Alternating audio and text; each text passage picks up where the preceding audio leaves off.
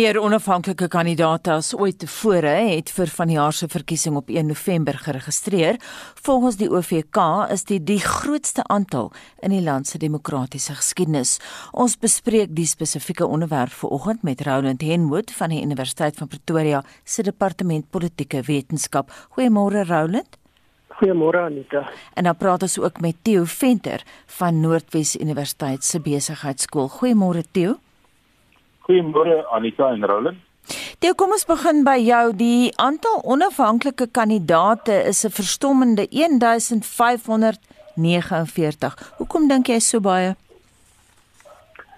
Wel, daar is 'n paar redes.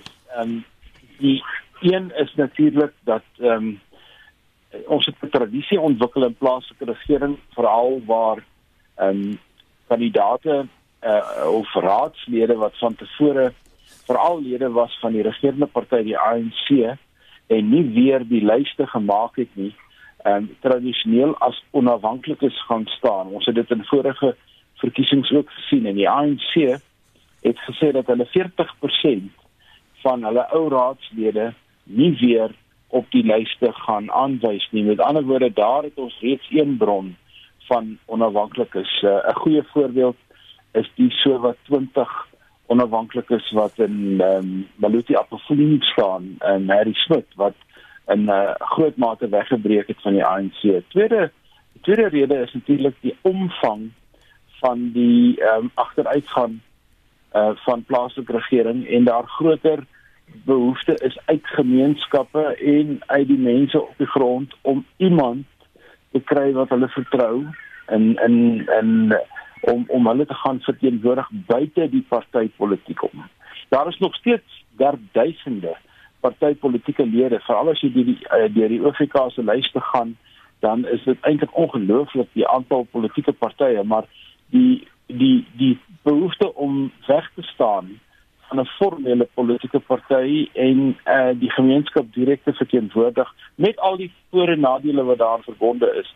Is 'n tweede uh, baie groot rede daarvoor en dan dink ek 'n derde rede vir die vir die onafhanklikes is bloot die feit dat dit moontlik is dat die stelsel dit toelaat en dat um, ons in die volgende nasionale verkiesing nasionaal en provinsiaal ook ons eerste eksperiment gaan kry met onafhanklike kandidaate wat kan staan in 'n verkiesing.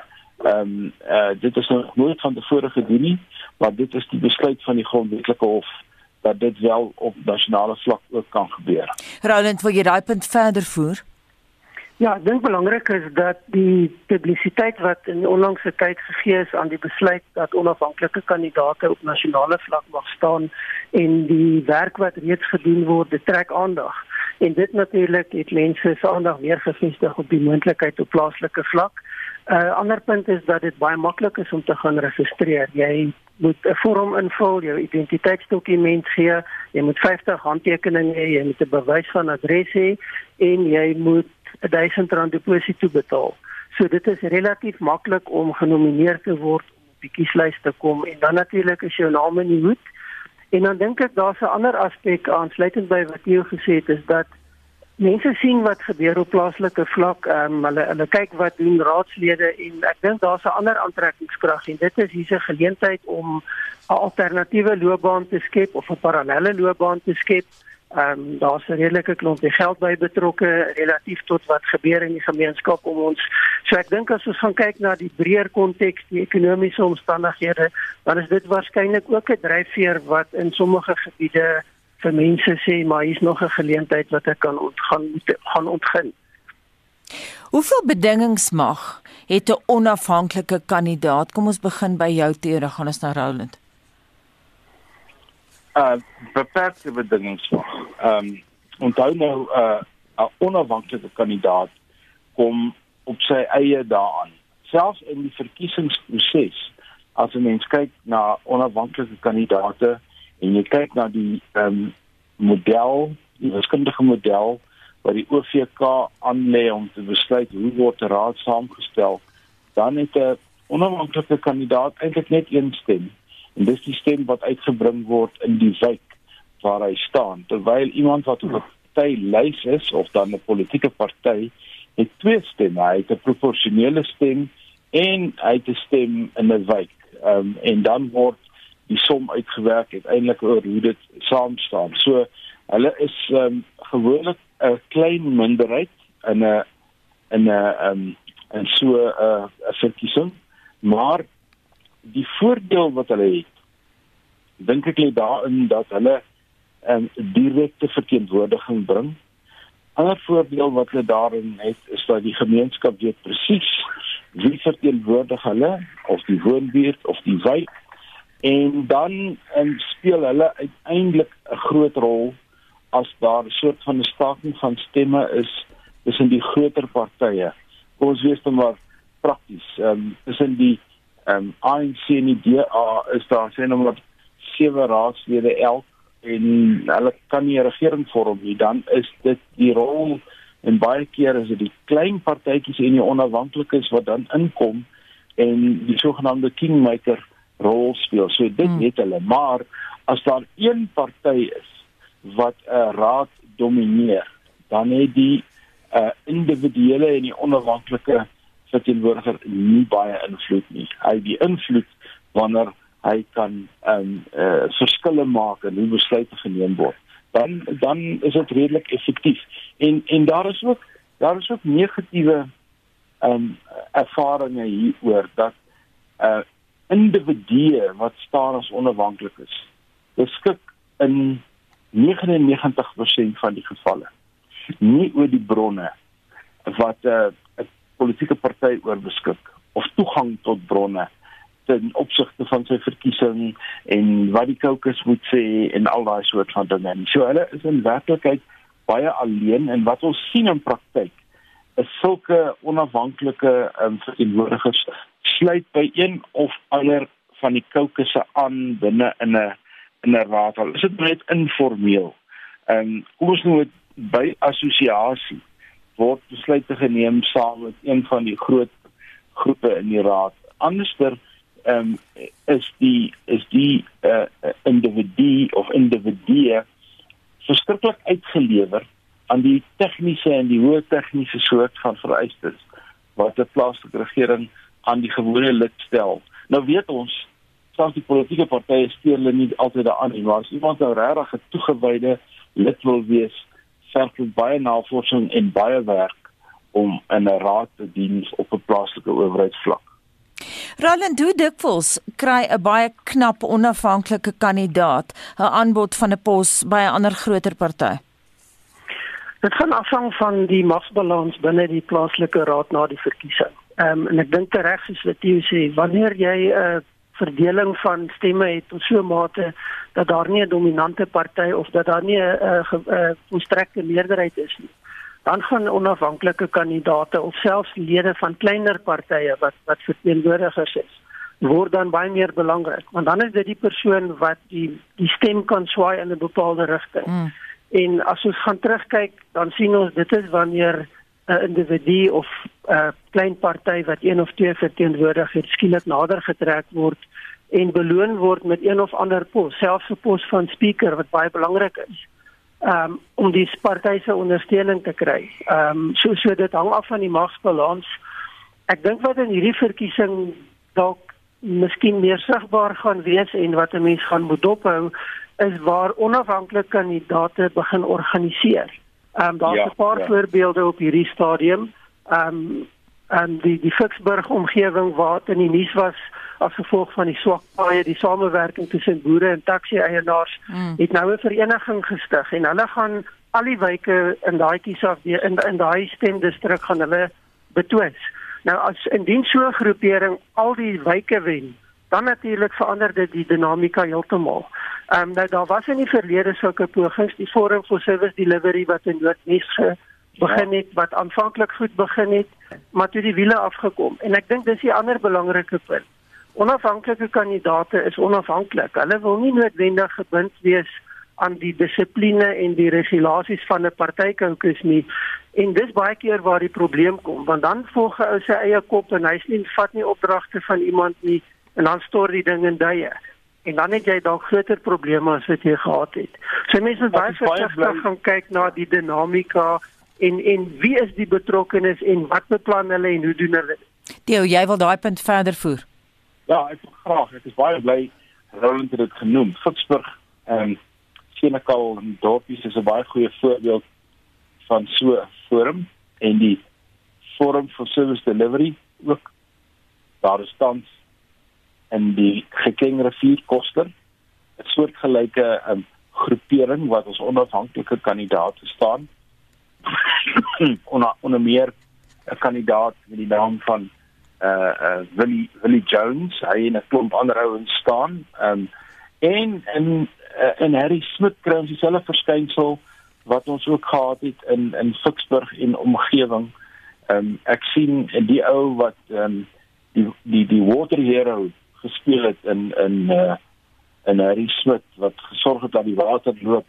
Petrus van Eden. Hy is ook 'n onafhanklike kandidaat, maar daar is 'n hele groep ehm um, onafhanklike kandidaate wat so 'n losse alliansie vorm. En so losse alliansie loop een van twee weë. Hy word sterker en dan vorm hy 'n party of as hy sy doel bereik het, verswak hy weer en dan verdwyn hy in 'n ander party of wat ook al in. Maar ek dink dit is 'n drie of vier plekke wat ons kan gaan dophou en dan vir een of ander rede is daar 20, meer as 20 onafhanklike kandidaate wat staan in Oudtshoorn. Ehm um, en en toe ek nou rondkrap oor waar is die groot onafhanklikes? Toe kom daar vir my 'n interessante prentjie na vore. Die onafhanklike kandidate wat staan of dan groepe onafhanklikes soos ons nou Roland se uitbreiding van die definisie ook wil gebruik.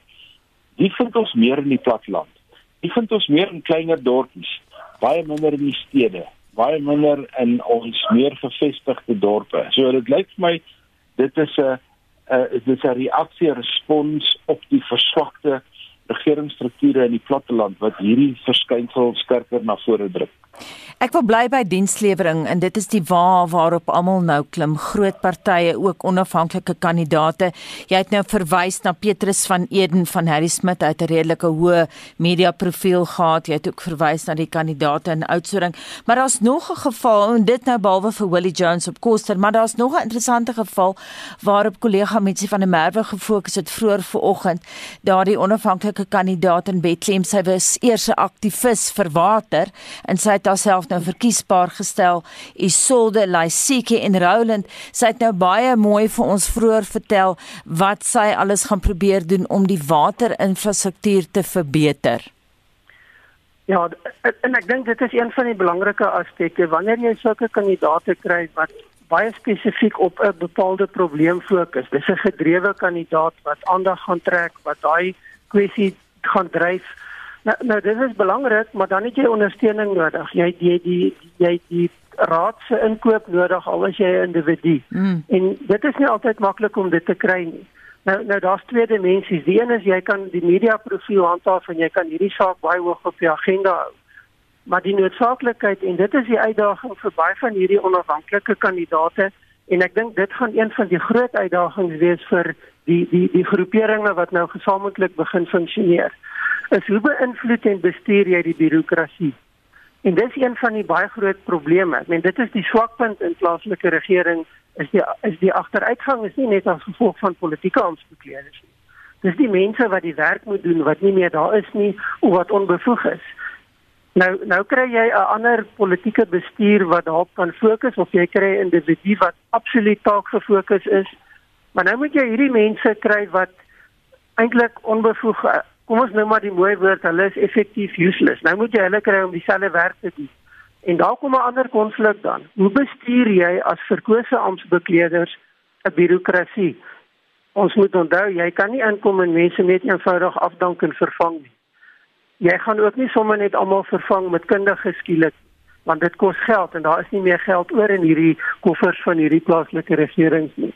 So dis baie goed om dit te dryf, dis baie goed om die aandag daarop te hou maar ek ek dink die minimum verwagting is dat hierdie is nie 'n korttermyn projek nie. En dis waarskynlik nie 'n projek wat in 'n siklus van een verkiesing bestuur gaan word nie. So jy moet 'n langer termyn perspektief hê en dit maak jou se vorige punt baie belangrik. Dat waar jy so 'n groepering kry help dit nie hulle bereik 'n paar korttermyn doelwitte en dan verswak hulle en verdwyn nie. Mm. Want die werk is nog lank nie afgehandel nie. En dit is waar individue gaan sukkel. Miskien 'n laaste punt, 'n individu wat hierdie saak dryf, gaan waarskynlik natuurlik konstant op tone trap en vyande maak. Mm. Mm. En dit maak daai persoon se funksionering op die langer termyn baie baie moeilik. Dio?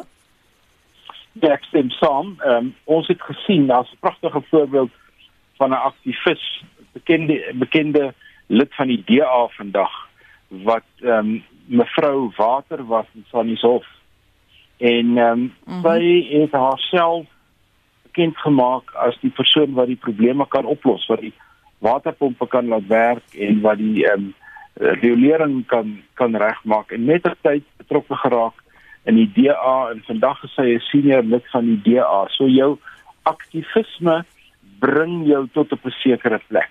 Maar die oomblik wat jy daar is, dan moet jy strategies besluit, goed, hoe hoe bestuur ek nou hierdie bus wat ek gevang het. Hoe hoe hoe gaan ek nou maak? Jy kan aanhou om sake te maak en die media te gebruik en die koerante te gebruik om die aandag daarop um, te plaas.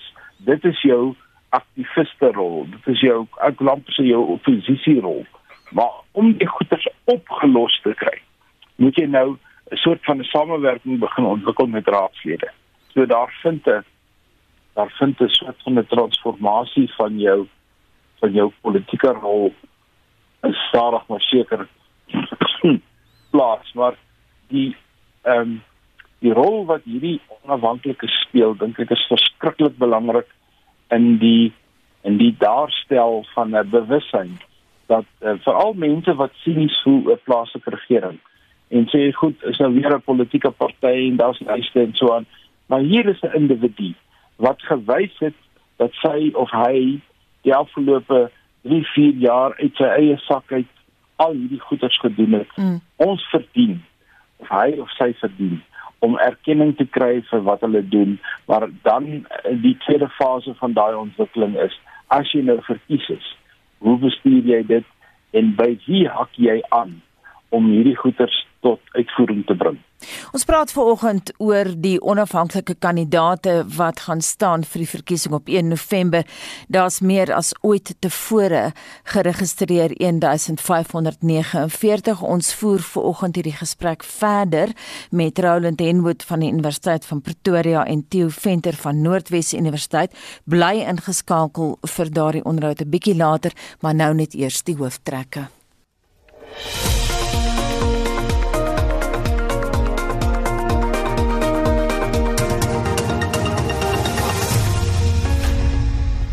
Ons praat verder oor onafhanklike kandidaate. Roland, ek wil teruggaan na jou toe. Net nou het Theo verwys na koalisievorming en natuurlik vir kleiner partye is dit 'n moed. Interessant. Uh julle rukkie gelede het luisteraars ons onomwonde laat weet. Hulle is nie ten gunste van koalisies nie. Ja, dit is 'n interessante perspektief en ek dink dit is waarskynlik die resultaat van die noem dit maar die kort geskiedenis met koalisie regerings in Suid-Afrika. En dan praat ek van 'n onlangse geskiedenis. Ehm um, miskien 'n eerste tegniese punt is dat ons het nie regtig koalisie regerings nie. Ons het meer samewerkingsooreenkomste. Dis 'n dis 'n meer informele manier van doen ehm um, die die die streng ehm um, die streng verduideliking van 'n koalisieregering is eintlik waar jy 'n formele ooreenkoms gaan sluit baie keer voor 'n verkiesing. Ehm um, alhoewel mense deesdae meer sien na verkiesing waar daar spesifieke rolverdelings is waar daar spesifieke beleidsbeginsels is waarin breë mate ooreengekom word. Nou ons sien min daarvan. Ons sien meer gesprekke wat partye voer en dan toenemend met mekaar begin saamwerk ehm um, dit hou dit dit kan dalk insluit dat ons bepaalde poste vir mekaar gee. Maar ons sien selfs in baie gevalle in Suid-Afrika dat dit nie gebeur nie. Waar ons kyk na Tshwane byvoorbeeld waar die DA die meeste stemme gekry het maar nie 'n meerderheid het nou die DA ander partye nodig om saam te regeer. Al die poste wat bekleed word word deur DA lede bekleed en die ander basies moet maar saamstem en ondersteuning mens weet nie tot watter mate daar agter die skerms deurlopend gesprek gevoer word nie maar ons sien baie keer dat in hierdie gevalle dat kleiner partye na kort rukkie wegbreek mm. en sê ons word nie gekonsulteer nie Daar's persoonlikheidsbotsings want daar is nie 'n duidelike ooreenkoms voor die tyd nie. En dit skep 'n groot mate van onstabiliteit, dit skep wantroue en waarskynlik is dit hoekom mense sê ons hou nie daarvan nie, ons soek dit nie. Ehm um, ons moet onthou 'n koalisieregering en wese is die tweede beste opsie. Mm -hmm. Dit kan nie anders wees nie. So jy het nie daai voorspelbaarheid en daai stabiliteit wat jy noodwendig gaan hê waar 'n dominante party of 'n meerderheidsparty die besluite neem nie. Die maar dit sê nie koalisies is sleg nie. Mm. Koalisies is baie saam en kan baie ander voordele bring wat waarskynlik nou in Suid-Afrika meer waardevol is as wat meeste mense besef. Mm. In die praktyk het ons gesien by Monitor ons het 'n hele paar verkiesingsuitsendings gaan doen in die Suid-Kaap op George. Ek praat van seker 5 uitsendings wat ek daar hanteer het en dit was baie duidelik dat die koalisies het gesukkel om daar te werk. Maar ek wil terugkom na onafhanklike kandidaate toe en ek het 'n vraag vir jou.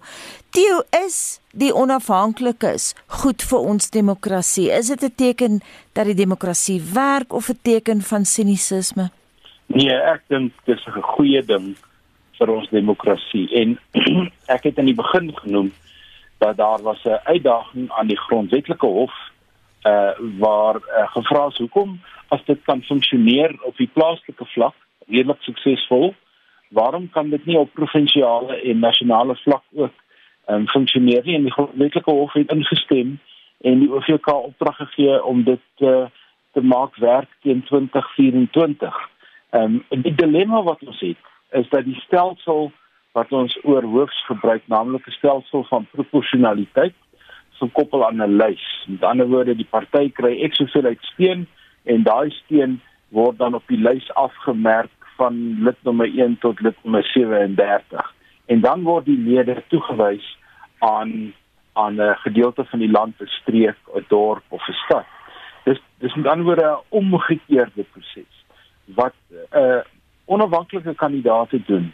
Dit gee iets terug van 'n uh, direkte demokratiese praktyk. Dit gee iets terug daarvan dat 'n persoon uit 'n wijk wat deur mense geken word wat 'n goed gevestigde praktyk ontwikkel het uh wat ehm um, probleme help oplos en en dis meer dat so 'n persoon onder ideale omstandighede in die politiek inbeweeg. So wat my aanbetref is dit 'n baie goeie aanvulling en as ons op hierdie paadjie wil loop, ehm um, afhangend van hoe ons gaan funksioneer in hierdie verkiesing en op pad na die volgende verkiesings toe, dan ons weer eens gaan kyk na die Duitse stelsel wat die hele land ehm um, opgedeel is in proporsionele gedeeltes en gedeeltes met wyke.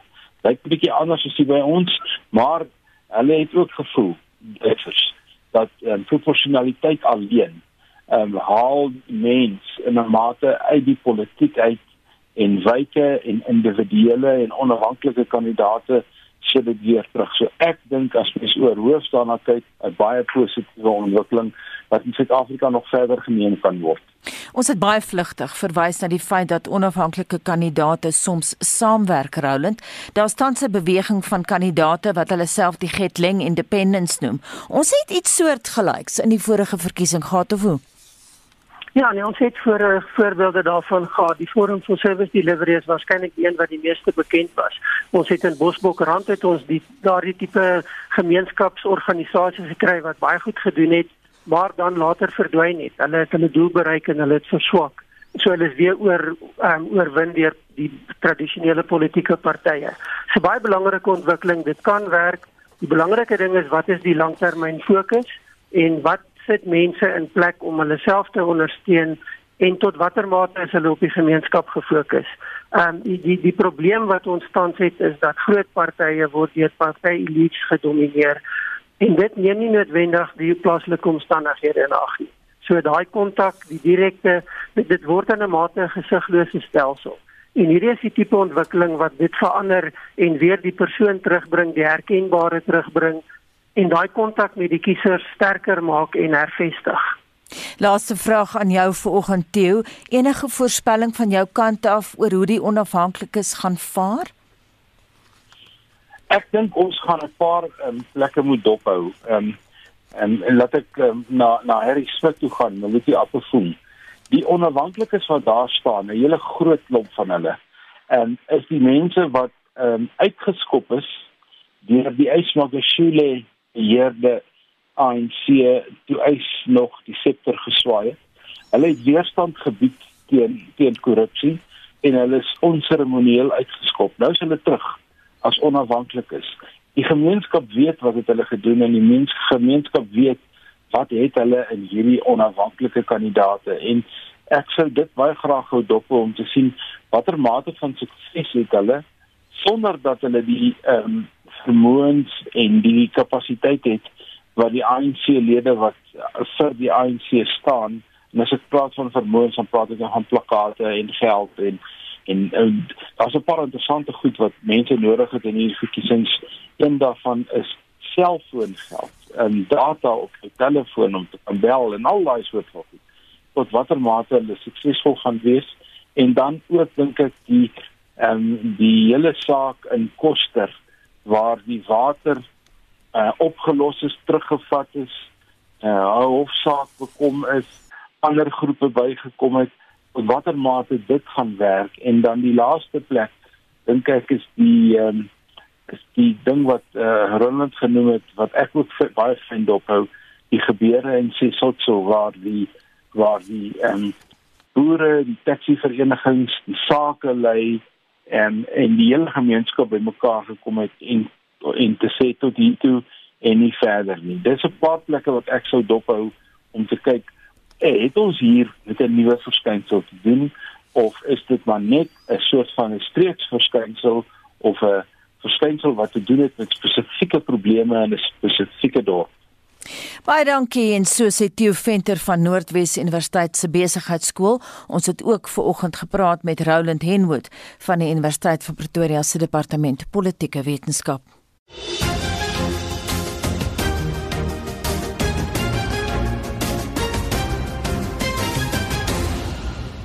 Vir wêreldnuus gebeure sluit Estie nou by ons aan. Ons begin in Brittanje waar 'n regeringsverslag aandui dat uh, die Johnson-administrasie probeer het om kudde-immuniteit te verkry deur middel van infeksie. Vertel ons meer daarvan Estie. Anita, dit het gelei tot 'n vertraging in die instelling van die eerste inperking in Brittanje wat meer wat weer tot meer sterftes gelei het. Die eerste gevalle in die IVK is op 31 Januarie 2020 aangemeld, maar die eerste inperking is eers op 23 Maart 2020 ingestel. Die bevindinge van die verslag deur die Komitee vir Gesondheid en Maatskaplike Sorg en die Komitee vir Wetenskap en Tegnologie is saamgestel deur verskeie LPs van alle politieke partye en is meer as 150 bladsye lank. Hier is die voorsitter van die Komitee vir Wetenskap en Tegnologie, Greg Clark. We were too slow in that initial lockdown.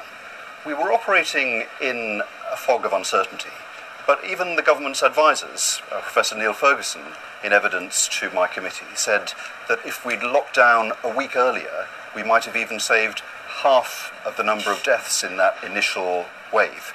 So everyone accepts that we, we locked down too late. Die verslag sê die regering se opsporingsprogram van gevalle na aan mense wat die virus opgedoen het, is te laat ingestel. Die verslag kritiseer ook onder meer die gebrek aan grensbeheer veral met Spanje en Frankryk en die beheer in tuise vir bejaardes. Meer as 150 000 mense in die VK's tot dusver weens COVID-19 dood. Die verslag beskryf die inentingsprogram in die land wat op 8 Desember verlede jaar begin het as een van die grootste suksesse. Kom ons gaan na Afghanistan. Die leiers van die grootste ekonomieë in die wêreld sit nou koppe bymekaar om 'n krisis in daardie land te vermy. In 'n virtuele beraad wat deur Italië belê is, sal leiers van die G20 strategie daarstel om humanitêre hulp aan Afghanistan te bekom om te verhoed dat daardie land 'n hawe vir militante word. Die Verenigde Nasies se sekretaris-generaal Antonio Guterres het 'n beroep gedoen op die internasionale gemeenskap om geld in die ekonomie van Afghanistan te belê om te verhoed dat dit ineenstort. We need to find ways to make the economy breathe again. And this can be done without violating international laws or compromising principles. We must seek ways to create the conditions that would allow Afghan professionals and civil servants to continue working to serve the Afghan population. I urge the world to take action and inject liquidity into the Afghan economy to avoid collapse. En dit was die VN se sekretaris-generaal Antonio Guterres en dit was Estie met 'n kort oorsig van vandag se wêreldnuus gebeure. Ons bly by internasionale nuus en die laaste Nobelprys om toegeken te word van jare is die een vir ekonomie. Die drie wenners wat die prys deel is die Kanadees David Card en die Amerikaans gebaseerde Joshua Angrist en Guido Imbens. Die prys is aan hulle toegeken vir hulle werk oor die arbeidsmark en sogenaamde natuurlike eksperimente wat hulle nou uitgevoer het. Ons praat hier oor met Dawie Rood, ekonom ekonom van die Efficient Groep. Goeiemôre Dawie. Ja, goeiemôre Anita. Ek moet sê hoofekonoom van die Efficient Groep Dawie Rood. kom ons kom ons praat eh, presies oor wat hulle vermag het. Ons het uh, van meete van vanoggend klem gelê op die feit dat hulle praktiese eksperimente uitgevoer het in die werklike lewe. Wil jy uitbrei daarop? Ja, die probleem met ekonome en die probleem met ekonomie is anders as in natuurwetenskappe kan ekonome nie in 'n laboratorium instap en die hele van 'n eksperiment doen nie. So as 'n natuurlike wetenskaplike byvoorbeeld gaan chemikalieë A en B bymekaar gooi en kyk wat gebeur en hy kan hierdie eksperiment 'n paar keer doen. Ekonome kan dit nie doen nie. En die rede hoekom ekonome dit kan doen nie is omdat ons in die werklike lewe lewe wat met mense te doen het. Ons kan nie eksperimente op mense doen nie. Daarom het hierdie professor, dis veral professor kaart gekom met die goeie idee van 'n wat hy noem 'n natuurlike eksperiment. En 'n natuurlike eksperiment is eintlik 'n gebeurtenis wat plaasvind waar mense in die werklike lewe 'n sekere situasie kan ondersoek om te kyk wat is die uitslag daarvan. Nou wat hy gedoen het byvoorbeeld, hy het gekyk na die minimumlone. Nou die konvensie die konvensionele idee is is dat wanneer jy minimumlone verhoog, dan gaan daar 'n verlies aan werksgeleenthede wees. En ek en jy het alself baie daaroor gepraat. Wat hy vasgestel het, daar was die verhoging in minimumlone gewees in een Amerikaanse staat en hy het dit vergelyk met 'n ander Amerikaanse staat reg langs dit en sy uiteindelike resultate het daarop gewys dat die verhoging in minimumlone byvoorbeeld het baie minder effek gehad op die toename in werkloosheid as wat ons gedink het. As wat die teorie die teorie op daardie stadium vir ons gesê. So uit 'n werklike lewenservaring geleentheid gebruik om 'n eksperiment op 'n manier uit te voer en te kyk wat die resultate daarvan was. Die ander twee professore, hulle benadering was so iets wat anders. Hulle het gesê as jy nou ons kyk na 'n natuurlike eksperiment, hoe kan 'n mens nou uh, statis, statistiese tegnieke gebruik om te bepaal wat veroorsaak eintlik wat? Dis die sogenaamde kausaliteitsvraag of die oorsaaklikheidsvraag. As jy A doen, vir A, veroorsaak A B of veroorsaak B A. En dit het hulle ook gebruik met die sogenaamde natuurlike eksperimente. So is 'n bietjie van 'n tegniese ding, maar ek dink dit is nog 'n redelike oorspronklike interessante benadering van 'n groot ekonomiese probleem en die probleem is basies dat ekonome nie uh, eksperimente in 'n laboratorium kan doen nie. En jy dink die prys moes aan hulle toegeken gewees het? Uh, ja, sekerlik. Ek dink die prys moes nou toegeken gewees het en ek dink dit is nog 'n nuwe rigting van ekonomie. Ekonomie begin al nader aan die man op straat te beweeg waar die ek eksperimente 'n uh, baie meer uh, uh, dit dit is eksperimente in die gewone sin van die woord nie dis meer 'n natuurlike eksperiment waar mense kyk na wat in die werklike lewe gebeur. Andersdin uh, in die verlede was ekonomie baie teoreties gebaseer. Slim ouens sit in 'n donker kamertjie en hulle skryf 'n klomp teorie op en baie van hulle het Nobelpryse daarop gewen. Maar vandag is ekonomie uh, baie meer soos jy Engels sê hands-on tipe van onderwerp wat mense wat jy kyk na werklike uh, eksperimente soos wat dit in die werklike lewe gebeur. Hulle het dit sekerlik verdien. Dawie het nou vroeër gesê dat die ekonomie beweeg in 'n nuwe rigting, ekonome beweeg in 'n nuwe rigting, maar met hierdie werk het hulle 'n verdere presedent daarvoor geskep om daai rigting aan te dui. Dis hoe ons ja, voortaan moet kyk na die ekonomie. Inderdaad, dit is so en ek dink ons gaan nog oor die volgende klompie jare baie meer van hierdie tipe van elemente sien waar mense kyk na die werklike omstandighede, werklike lewe om te kyk hoe sekere beleidsveranderings sekere implikasies het. Daar's baie ander voorbeelde ook. So byvoorbeeld kan mens die vraag vra, sê nou maar ek uh, studeer verder en ek kry 'n naskoolse kwalifikasie, hoeveel gaan dit my werklik waar help oor tyd? 'n ander vraag byvoorbeeld is, sê nou daar's immigrante wat na ander van 'n ander land in 'n land instroom, gaan dit byvoorbeeld lei tot die toename in werkloosheid van die mense wat alreeds daar is. Dis die tipe van vraag wat ons in Suid-Afrika ook uh mee te doen het en dis die tipe van vraag wat hopelik oor tyd meer en makliker en duideliker beantwoord gaan word. Daar wie het die woord beleidsverandering gebruik. Regering sou sekerlik hierdie soort navorsing dop.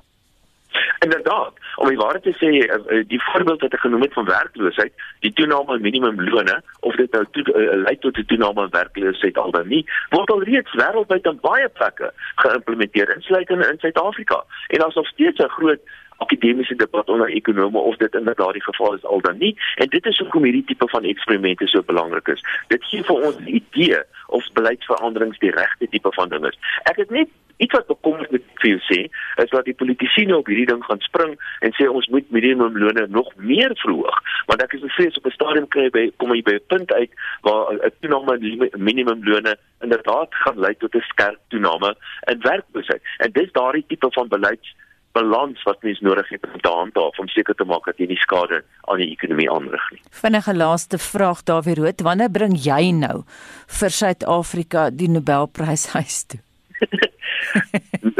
Anita Visser dink ons gaan nog lank wag. Baie dankie, dit was Dawie Rood van die Efficient Groep.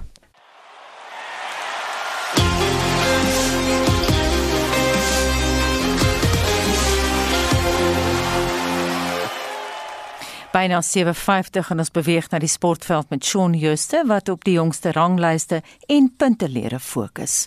In die Verenigde Rugby Kampioenskap by die Suid-Afrikaanse franchises 'n beter naweek beleef en twee wedstryde gewen, net een verloor en een net gelyk op geëindig. Die eerste spanne domineer steeds met Munster en Ulster eerste en tweede op 15 en Leinster derde op 14 punte. Die Skotse span Glasgow Warriors is vierde op 11 punte. Die Lions is 11de op 6, die Sharks 13de op 4, die Bulls 14de ook op 4 en die Stormers 15de op 3 punte. Sokker Na gisteraand se Wêreldbeker kwalifikasiewedstryde is Servië, Spanje, Italië, Frankryk, België, Denemarke, Nederland, Rusland, Engeland en Duitsland die voorlopers in hul verskeie Europese groepe. In die Afrika groep is Burkina Faso, Tunesië, Nigerië, Ivoorkus, Mali, Egipte, Suid-Afrika, Senegal, Marokko en Tansanië die groep voorlopers. Ons herinner graag dat 2000 ingeënte toeskouers vanaand se kwalifikasiewedstryd in Johannesburg tussen Suid-Afrika en Ethiopië sal kan bywoon. Die kaartjies het in 2 ure uitverkoop. Die kragmeting skop 6 uur op die ENB stadion af. Cricket. In die EPL reeks het die Kolkata Knight Riders hul uitspelwedstryd teen die Royal Challengers Bangalore gister met 4 paaltjies gewen. Hulle speel môre in die uitklopwedstryd teen die Delhi Capitals. Die wenner dring deur na die eindstryd teen die Chennai Super Kings. Die plaaslike KSA T20 uitkloptoernooi se groepsfase is ook oor die naweek afgehandel. Die Dolphins en Northwest Dragons het ook na die kwart eindronde deurgedring. Hulle sluit by SWD, WP, die Knights, Titans, Boland en die Warriors aan. Die kwart eindstryde begin oor 7 dae en die eindstryd vind op die 22ste Oktober plaas. Op die tennisbaan het Suid-Afrika se Lloyd Harris sy derde ronde wedstryd by die Indian Wells Meesters toernooi in die FSA met 6-7, 6-4 en 6-4 teen Casper Ruud van Noorwe verloor. Kevin Anderson stap vanaand ook in die derde ronde teen die Fransman Gael Monfils op die baan uit. Suid-Afrika se Ryan Klassen en sy spanmaat van Japan Ben McLaughlin is in die tweede ronde van die mans dubbelspel afdeling deur Madwe Middelkoop van Nederland en Marcelo Aravello van El Salvador uitgeskakel. Die telling 6-2, stroop 6 en 11-9. Motorsport. Die Red Bull renjaer Max Verstappen van Nederland is weer terug as die voorloper op die Formule 1 punteleer na die naweek se Turkse Grand Prix en het 262,5 punte agter sy naam. Die Brit Lewis Hamilton is 6 punte agter hom na sy 5de plek in die wedren. Die Fin Valtteri Bottas is derde op 177 punte.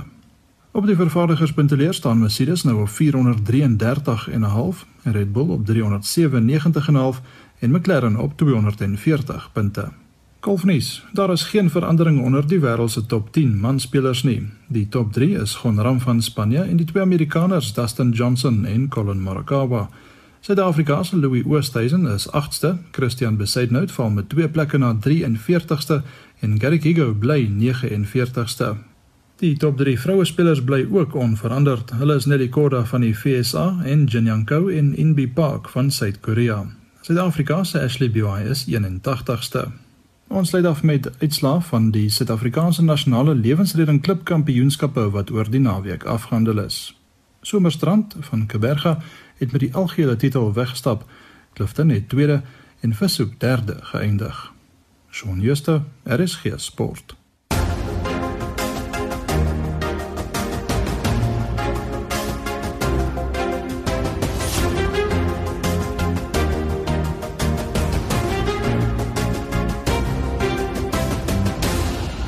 Die Wes-Kaap word dikwels as 'n model van goeie regering vir ander provinsies voorgehou. Die ouditeur-generaal het skoon audits oor 14 munisipaliteite in Junie gelewer. Nog 11 het ongekwalifiseerde auditmenings gekry. Maar te midde van die goeie nuus is daar Beaufort Wes wat as wanfunksioneel beskryf word. Vir meeste motoriste wat op die N1 tussen Johannesburg en Kaapstad ry, is Beaufort Wes 'n gebruikelike stille plek. Meer as 1000 vragmotors en klein voertuie ry elke dag deur die dorp. Die ekonomie van die dorp is veronderstel om weens hierdie toerismeverkeer te floreer. Nietemin is dit een van die armste munisipaliteite in die provinsie. Dr. Halen Klute, 'n navorser van Universiteit Stellenbosch se skool vir openbare leierskap wat in munisipaliteite spesialiseer, sê een van die grootste probleme is die grys gebied tussen politici en administrateurs. The line between uh politician and administration is very thin. And there's a lot of crossbreeding if I can say that. You know, if uh, there was you can be the mayor today, tomorrow you're the municipal manager, then you're a deputy director and then you back as the president of the party. Klute sê om 'n posisie by 'n stadsraad te hê is 'n poort na 'n middelklas lewenstyl. Die stelsel het ook 'n stratum van kragmanne geskep wat as hekwagters tot alle geleenthede optree. Dit sê dit is ook een van die probleme in Beaufort West. It has almost become the personal it's like it's like you run the municipality like a spaza shop. It's like it's like your own. You dish out patronage. You decide. I decide. I'm the strong man here. I decide uh, who gets what here in this town. So there may be the formal structure, but there's also the informal structure. You also have the problem where administrators, who are supposed to be professionals, loyal to the constitution, play political games. So administrators then run uh, alongside politicians. So it's a small cabal in a lot of these municipalities. It's a cabal, almost like a mafia type style, running of these towns as if it is their own family business. Die ANC se streeksekretaris in die Sentraal Karoo, Wendy Plaatjies, en die leier van die Karoo Democratic Force, Noel Constable, meen die bewind van kragmanne het reeds in die distrik en Beaufort West tot 'n einde gekom. That was the narrative that was that was that was always uh, in the ANC. That's why we find ourselves today in loggerheads with with the person that you don't want to name. Actually, you should have called him by name. But that has always been the narrative that uh, I, I will interfere to get my son, my sister into a position. But I can tell you and, and assure you that the ANC have never been part of uh, uh, uh, hiring and firing of people. The last four months, we made uh, very good appointments. Um, I don't think there is that big man syndrome anymore in the municipality. We've get rid of that. Um, if you look for the last three years, um, the guys who were here, we, we make sure that we put, put them out, we put uh, things in place to, to get rid of them. Die feit dat Constable en die KDF deel van die bestuur van die raad is, is volgens Kloete 'n bewys dat kleiner partye nie regte groot steun onder kiesers geniet nie. Hierdie partye het tog oor die jare heen daarin geslaag om genoeg steun te kry om as koningmakers op te tree. 'n Enkele setel kan beteken dat hulle besluit wie regeer en wie nie. Smaller parties know exactly, they have learned, they know exactly their muscle. They and then it comes to once you're in government, now it comes to the appointment of staff and deploying of people because which is still very much uh, a part and parcel of our political uh, system where a one political party comes in and then he employs his or her people. Dit was Dr. Halen Klute 'n navorser van Universiteit Stellenbosch se skool vir openbare leierskap wat daardie bydrae van Joseph Musia in Beaufort Wes afgesluit het. Ek is Hendrik Martin vir SAK nuus.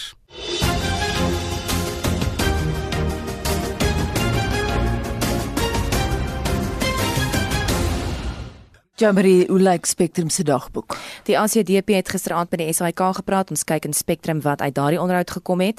Statistiek Suid-Afrika maak die mynbou produksiesyfers bekend en Bafana Bafana afrigter glo die span sal beter vaar wanneer hulle weer by 'n vol stadion voor toeskouers kan speel.